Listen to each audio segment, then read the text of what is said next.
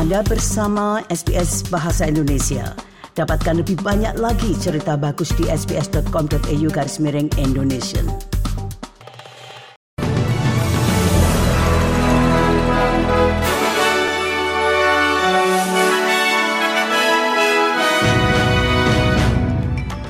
Berita terkini untuk SBS Audio program Bahasa Indonesia untuk Senin tanggal 18 Desember 2023. Beberapa penduduk di ujung utara Queensland harus naik ke atap rumah mereka untuk menunggu penyelamatan ketika hujan lebat akibat topan tropis Jasper menyebabkan banjir besar di wilayah tersebut. Kapal penyelamat telah dikerahkan dan Angkatan Laut telah diminta untuk membantu karena hujan diperkirakan akan terus berlanjut sepanjang Senin hingga Selasa. Beberapa wilayah di ujung utara Queensland telah dilanda banjir dengan total ketinggian lebih dari 1 meter dan ketinggian air diperkirakan akan memecahkan rekor tahun 1977. Sementara banjir di Cairns dan sekitarnya sudah mencapai rekor. Akses jalan ke kota Cairns saat ini terputus akibat jalan yang terendam banjir dan bandara Cairns terpaksa ditutup setelah pesawat ikut terendam air. Peringatan darurat banjir telah dikeluarkan untuk pantai Merchants, pantai Holloways, Yorkie Snobs, dan sebagian Taman Trinity, serta warga diminta untuk berlindung. Perdana Menteri Anthony Albanese memastikan angkatan bersenjata bisa ikut terlibat. We have the Australian Defence Force personnel on standby to assist with the recovery. I spoke to Senator Nita Green last night. Uh, she was uh, there uh, quite distressed uh, by what she was seeing. uh, in her local community. Uh, people have been devastated, and of course, it's a very dangerous situation for many who are in very unprecedented floodwaters. Sementara itu, seorang anak termasuk di antara sekelompok orang yang terdampar di atap sebuah rumah sakit terpencil setelah topan tropis Jasper menyebabkan banjir besar di ujung utara Queensland. Salah satu komunitas yang paling terkena dampaknya adalah Wujal-Wujal di utara Cairns, di mana sembilan orang termasuk seorang anak berusia tujuh tahun dan petugas kesehatan terdampar di atap rumah sakit. Komunitas aborigin mengalami curah hujan sebesar 260 mm semalaman, namun air banjir mulai berkurang, sehingga memungkinkan tim penyelamat untuk membantu kelompok yang terdampar tersebut. Koordinator Bencana Negara Bagian, Shen Chelepi, membenarkan bahwa mereka mendapatkan dukungan. Pemerintah Victoria telah diberi ultimatum untuk memastikan ratusan petugas kebersihan sekolah mendapatkan gaji dan kondisi yang sama atau mengajukan tuntutan ke pengadilan.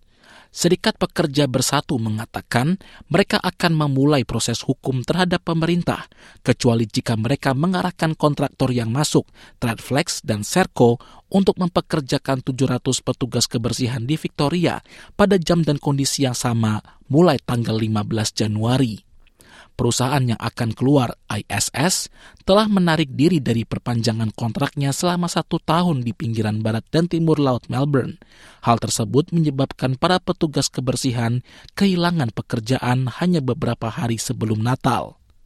Serikat Pekerja mengatakan kontraktor baru tidak akan mulai mempekerjakan petugas kebersihan untuk bekerja sampai tanggal 15 Januari dan akan memotong tingkat gaji dan jam kerja yang ada sehingga merugikan pekerja hingga 11.000 dolar per tahun. Dalam suratnya kepada Menteri Pendidikan Victoria Ben Carroll, Serikat Pekerja menuduh pemerintah menyadari, mengarahkan, dan berpartisipasi dalam pelanggaran Undang-Undang Kesehatan dan Keselamatan Kerja dan Fair Work Act. Kita keluar negeri. Persidangan terhadap penerbit Jimmy Lai dimulai hari Senin ini di Hong Kong setelah dia ditangkap di tengah tindakan keras Tiongkok terhadap para pembangkang. Dia menghadapi hukuman sumur hidup karena karyanya dalam menerbitkan surat kabar pro-demokrasi Apple Daily yang merupakan outlet berita utama selama 30 tahun di Hong Kong sebelum pemerintah Tiongkok membatasi kebebasan berekspresi di wilayah tersebut. Pemerintah Tiongkok menuduhnya berkolusi dengan kekuatan asing untuk membahayakan keamanan nasional dan berkonspirasi dengan pihak lain untuk menerbitkan publikasi yang menghasut. Kasusnya dipandang oleh banyak orang sebagai persidangan atas kebebasan pers dan ujian bagi independensi peradilan kota Hong Kong yang dijanjikan kebebasan sipil ala barat akan tetap utuh selama 50 tahun setelah kembali ke pemerintahan Tiongkok pada tahun 1997.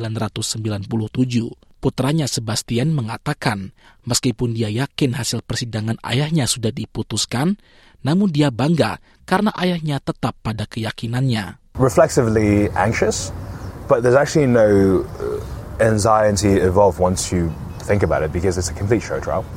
Um, the result is already predetermined. It's a trial with um, three government appointed judges, um, the um, no jury, and uh, uh, um, the, the security minister recently boasted of a 100% conviction rate.